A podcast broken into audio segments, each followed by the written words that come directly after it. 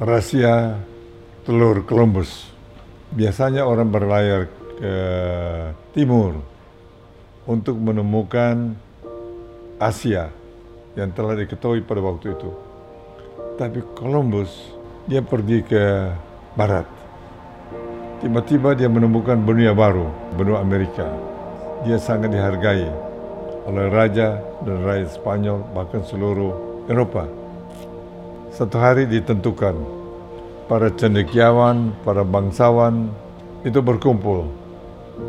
Tapi bagi banyak yang sinis mengatakan saya juga bisa kalau hanya berangkat ke barat dan menemukan satu benua. Semua orang bisa. Dia bilang tentu Anda masih tidak percaya bahwa saya menemukan itu bukan sesuatu yang hebat. Ini saya ada sebuah telur. Siapa yang bisa mendirikan telur ini tanpa ditunjang oleh tangan yang lain atau alat yang lain? Semua orang terperangah. Semua orang tidak ada yang berani menjawab bisa. Nah, saya perlihatkan bagaimana mendirikan telur Columbus seperti bagaimana kita butuhkan untuk dalam bisnis maupun kehidupan kita.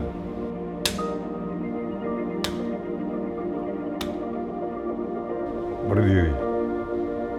Wah, Anda akan mengatakan, kalau begitu saya juga bisa. Memang, rahasia Columbus semua orang bisa. Cuma ada orang melihatnya, ada orang mengetahuinya, ada yang tidak. Semua hal itu terjadi karena Columbus memiliki mindset, memiliki karakter, mempunyai jiwa entrepreneur dan bukan sembarang tapi entrepreneur sejati. Tapi dia berani ambil risiko, dia tabah melawan topan badai, dia lakukan. Entrepreneur sejati orang yang berani mengambil keputusan, berani rugi, berani jatuh, berani bangkrut, berani dihina, berani diketahui orang, dan sebagainya. Tapi semua dengan perhitungan mental yang matang. Oleh karena itu kita perlu memiliki jiwa entrepreneur, mindset entrepreneur, sehingga kita bisa menemukan hal-hal yang baru. Di samping entrepreneur, sebagai kawan dari entrepreneur, ialah dalam jiwa kita, kita harus mempunyai integritas profesional di samping mengikuti entrepreneurship. Integritas modalnya ialah kejujuran. Janji adalah hutang, hutang harus dibayar. Kita harus berbicara yang benar. Jangan kita berbicara plin-plan. Jangan kita membohongi diri kita sendiri, membohongi karyawan, membohongi pelanggan kita. Jadi kejujuran harus mengikuti itu. Kemudian profesor, kita harus ahli. Zaman sekarang termasuk IT. Jadi kita kalau tidak menguasai IT, kita akan ketinggalan. Dan dalam melaksanakan itu, integritas personal dan entrepreneur merupakan sila kita. Sekarang dalam pelaksanaan, dalam prosesnya, kita memiliki 5D. Dream, D pertama dream. Desire, kemudian drive, disiplin, dan determination. Jadi Anda harus punya cita-cita, punya angan-angan. Jangan takut ya berbuat salah.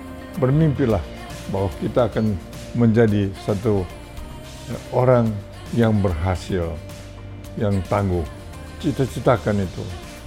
Kedua desire, berani mengambil keputusan, berani menetapkan, walaupun itu sulit. Baru itu drive, bersemangat, bersemangat, bersemangat.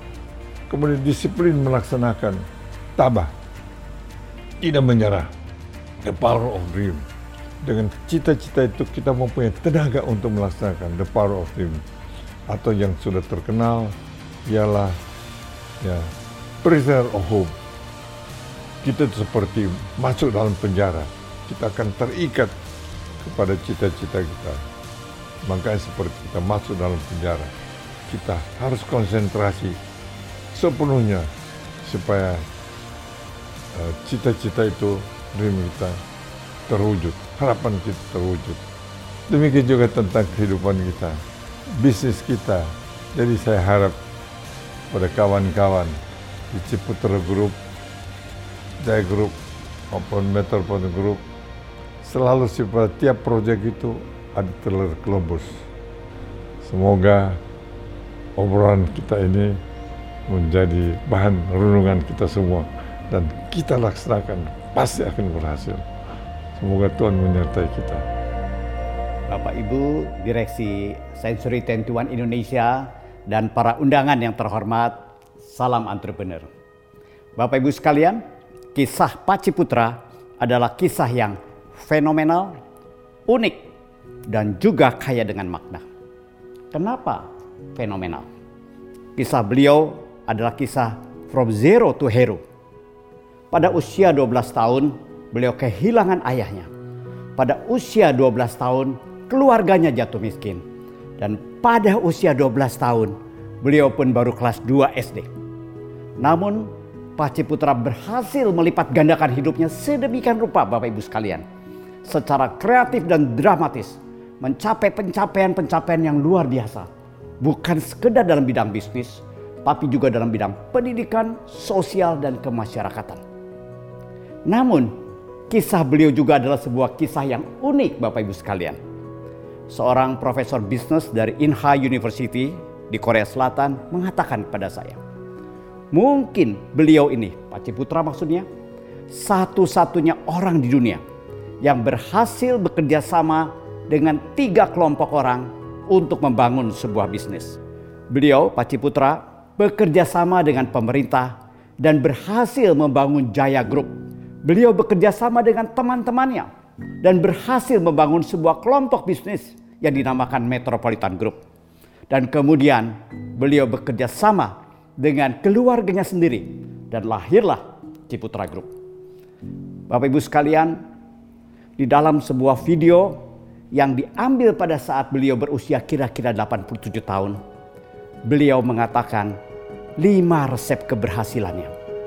Bapak Ibu sekalian pada usia 87 tahun, Paci Putra sudah melalui lebih daripada 60 tahun pengalaman dengan penuh dengan asam garam melalui berbagai hal dan dia meringkasnya menjadikan sebuah saripati di dalam 5D yang dia sebut sebagai dream, desire, drive, disiplin, dan determination. Saya beruntung Bapak Ibu sekalian menemani beliau dalam berproses mendokumentasikan ini. Merekamnya dan melihat sendiri bagaimana Pak Ciputra dia menggunakan 5D ini untuk membangun impian-impian di dalam hidupnya. Saya akan mulai dengan D yang pertama. Apakah itu D yang pertama? D yang pertama adalah dream. Dream ini bukanlah mimpi Mimpi kita alami waktu malam, pagi-pagi biasanya lupa. Namun dream ini adalah impian, sebuah mimpi yang kita buat di siang bolong. Sebuah mimpi yang sengaja kita bangun. Pak Ciputra mengatakan mulai dengan impian. Nah ketika beliau bercerita tentang impian, saya masih ingat waktu beliau mengajarkan kami di Ciputra Group bagaimana membuat target. Beliau mengatakan target yang baik itu adalah terletak di antara perbatasan yang mungkin dan tidak mungkin. Itu adalah impian Bapak Ibu sekalian. Kalau itu mungkin, kita kurang bersemangat. Kalau itu tidak mungkin, kita juga kurang bersemangat. Yang membuat kita bersemangat adalah sebuah batas yang begitu tinggi, tapi tidak terlalu tinggi, tidak terlalu rendah. Sesuatu yang kita bayangkan kita masih bisa capai, tapi tentu dengan berusaha. Itulah batas antara yang possible dengan impossible. Bapak Ibu sekalian, bangun impian di batas itu. Jangan terlalu sangat tidak mungkin sehingga kita merasa tidak bersemangat melakukannya. Dan jangan terlalu gampang sehingga kita meremehkannya dan juga tidak bersemangat. Ciri berikut Bapak Ibu sekalian dari Paci Putra ketika dia membangun impian dan impian dia adalah impian yang besar. Dia percaya di dalam hidupnya bisa mencapai sesuatu yang besar bersama dengan Tuhan. Dan dia mengatakan satu kalimat yang indah. Namanya prisoner of hope. Apakah artinya prisoner of hope? adalah orang-orang yang karena impiannya, karena harapannya, seakan-akan memanjarakan dirinya demi mencapai impian itu. Membuat batasan-batasan dalam hidupnya. Dia membuat dirinya seakan-akan tertawan. Tertawan oleh apa? Oleh impian itu. Supaya dia dengan tekun selalu mengejar dan mencari impian itu. Bapak Ibu sekalian, itulah Pak Ciputra mengatakan, dream itu harus bisa membuat kita seakan-akan tertawan. Atau dengan kata lain, menjadi prisoner of hope, menjadi tawanan dari harapan-harapan dan impian kita. D yang kedua adalah desire. Apakah desire? Desire adalah keinginan yang sangat kuat untuk melakukan terus-menerus impian itu. Sesuatu yang membuat impian itu selalu melekat dan terlekat di dalam hidup kita. Apa yang bisa membuat impian selalu melekat di dalam hidup kita? Biasanya adalah orang-orang tercinta. Bapak Ibu sekalian, impian kita akan memiliki energi tiap hari ketika kita kaitkan impian itu dengan orang-orang yang kita kasihi. Misalnya orang tua kita, misalnya anak kita, misalnya pasangan hidup kita. Bapak Ibu sekalian, saya pernah bertemu dengan seseorang yang sangat berhasil dalam bidang penjualan properti. Dia seorang ibu rumah tangga sebelumnya. Dia punya waktu luang, dia menggunakannya secara produktif. Dan suatu kali dia mencapai menjadi top sales. Dia bercerita kepada kami pada saat itu Bapak Ibu sekalian. Suatu kali pada saat dia sedang berhasil Bapak Ibu ayahnya yang berada di salah satu kota di Jawa Timur harus masuk rumah sakit dan dioperasi. Ibu ini mengatakan pada kami, saya beruntung, saya sudah mengumpulkan uang melalui prestasi dalam penjualan properti. Saya punya tabungan sehingga saya bisa mengatakan pada ayah saya, di mana pun rumah sakit yang ingin ayah saya masuki, saya akan bayar dorongan untuk melakukan impian demi orang-orang yang kita cintai. Itu menjadi api dalam hidup kita. Saya juga pernah bertemu dengan seorang ayah. Dia juga berhasil mencapai penjualan properti. Sebelumnya apa Bapak Ibu sekalian? Sebelumnya kurir. Namun sembari dia keliling Bapak Ibu sekalian. Dia melakukan prospecting. Akhirnya dia berpindah profesi dari kurir masuk sebagai tenaga penjualan properti profesional. Tentu dia memiliki rekam jejak keberhasilan. Suatu kali saya bertemu dengan dia. Saya bertanya kepada dia, apa cita-citamu? Dia mengatakan, suatu kali anak saya akan kuliah di Malaysia Pak. Sebelumnya dia seorang kurir. Sekarang dia memiliki impian bahwa anaknya akan kuliah di Malaysia. Melalui kemampuan selling di dalam bidang properti. Saya juga pernah bertemu Bapak Ibu sekalian dengan seorang tenaga penjual. Waktu saya tanya apa cita-citanya. Saya ingin memberikan hadiah pada istri saya. Hadiah apa? Sebuah rumah. Karena itu akan membahagiakan dia. Bapak Ibu, impian apabila kita ikatkan, kita koneksikan apa dampaknya untuk orang-orang tercinta, maka itu akan menjadi satu energi yang akan melekat setiap hari dan orang-orang tercinta akan menjadi bagian daripada energi itu. Pemimpin-pemimpin besar mengkaitkan impiannya kepada rakyatnya. Pemimpin-pemimpin bangsa mengkaitkan apa yang ingin kejar dalam hidupnya untuk masa depan rakyat yang dia cintai. Bapak Ibu sekalian, impian akan memiliki energi yang menyala ketika kita kaitkan apa dampak impian itu terhadap orang-orang yang kita cintai. Bapak Ibu sekalian, bila desire adalah sesuatu yang mengobarkan kita, maka D yang ketiga adalah drive. Ini adalah sesuatu yang mendorong dan mengarahkan. Apa yang membuat kita terdorong dan terarah langkah-langkahnya? Itu adalah sasaran yang terukur. Bapak Ibu sekalian, Pak Ciputra adalah seseorang yang menjadi contoh untuk kami. Bagaimana menerjemahkan impian yang besar dalam sebuah sasaran-sasaran yang terukur. Dia tidak menaruh impiannya di awan-awan, tetapi mendaratkannya Dengan cara apa Bapak Ibu sekalian? Membuat sasaran yang terukur. Bapak Ibu sekalian, buatlah sasaran yang terukur. Apa yang ingin Anda lihat di dalam hidup Anda tahun depan. Apa yang ingin dilihat? Apa yang baru? Apa saja prestasi yang akan dibangun? Pak Ciputra mengatakan saya adalah orang yang haus prestasi. Sehingga setiap tahun memberikan kisah baru di dalam hidupnya. Nah Bapak Ibu sekalian setelah kita membuat nanti tahun depan apa yang ingin saya capai jangan lupa membuatnya menjadi lebih dekat yaitu tentukan apa yang akan dicapai di akhir bulan. Anda memulai satu bulan, mulai dengan memikirkan apa yang ingin terjadi di akhir bulan. Supaya setiap bulan pun memiliki cerita baru yang terus berkembang tentang diri seseorang yang hidupnya bertumbuh bergerak menuju impiannya. Lalu apa yang bisa dilakukan tiap hari? Kali pertama bangun pagi hendak memulai, bertanya pada diri sendiri. Apa yang akan membuat saya gembira dan bangga nanti malam pada saat menjelang tidur?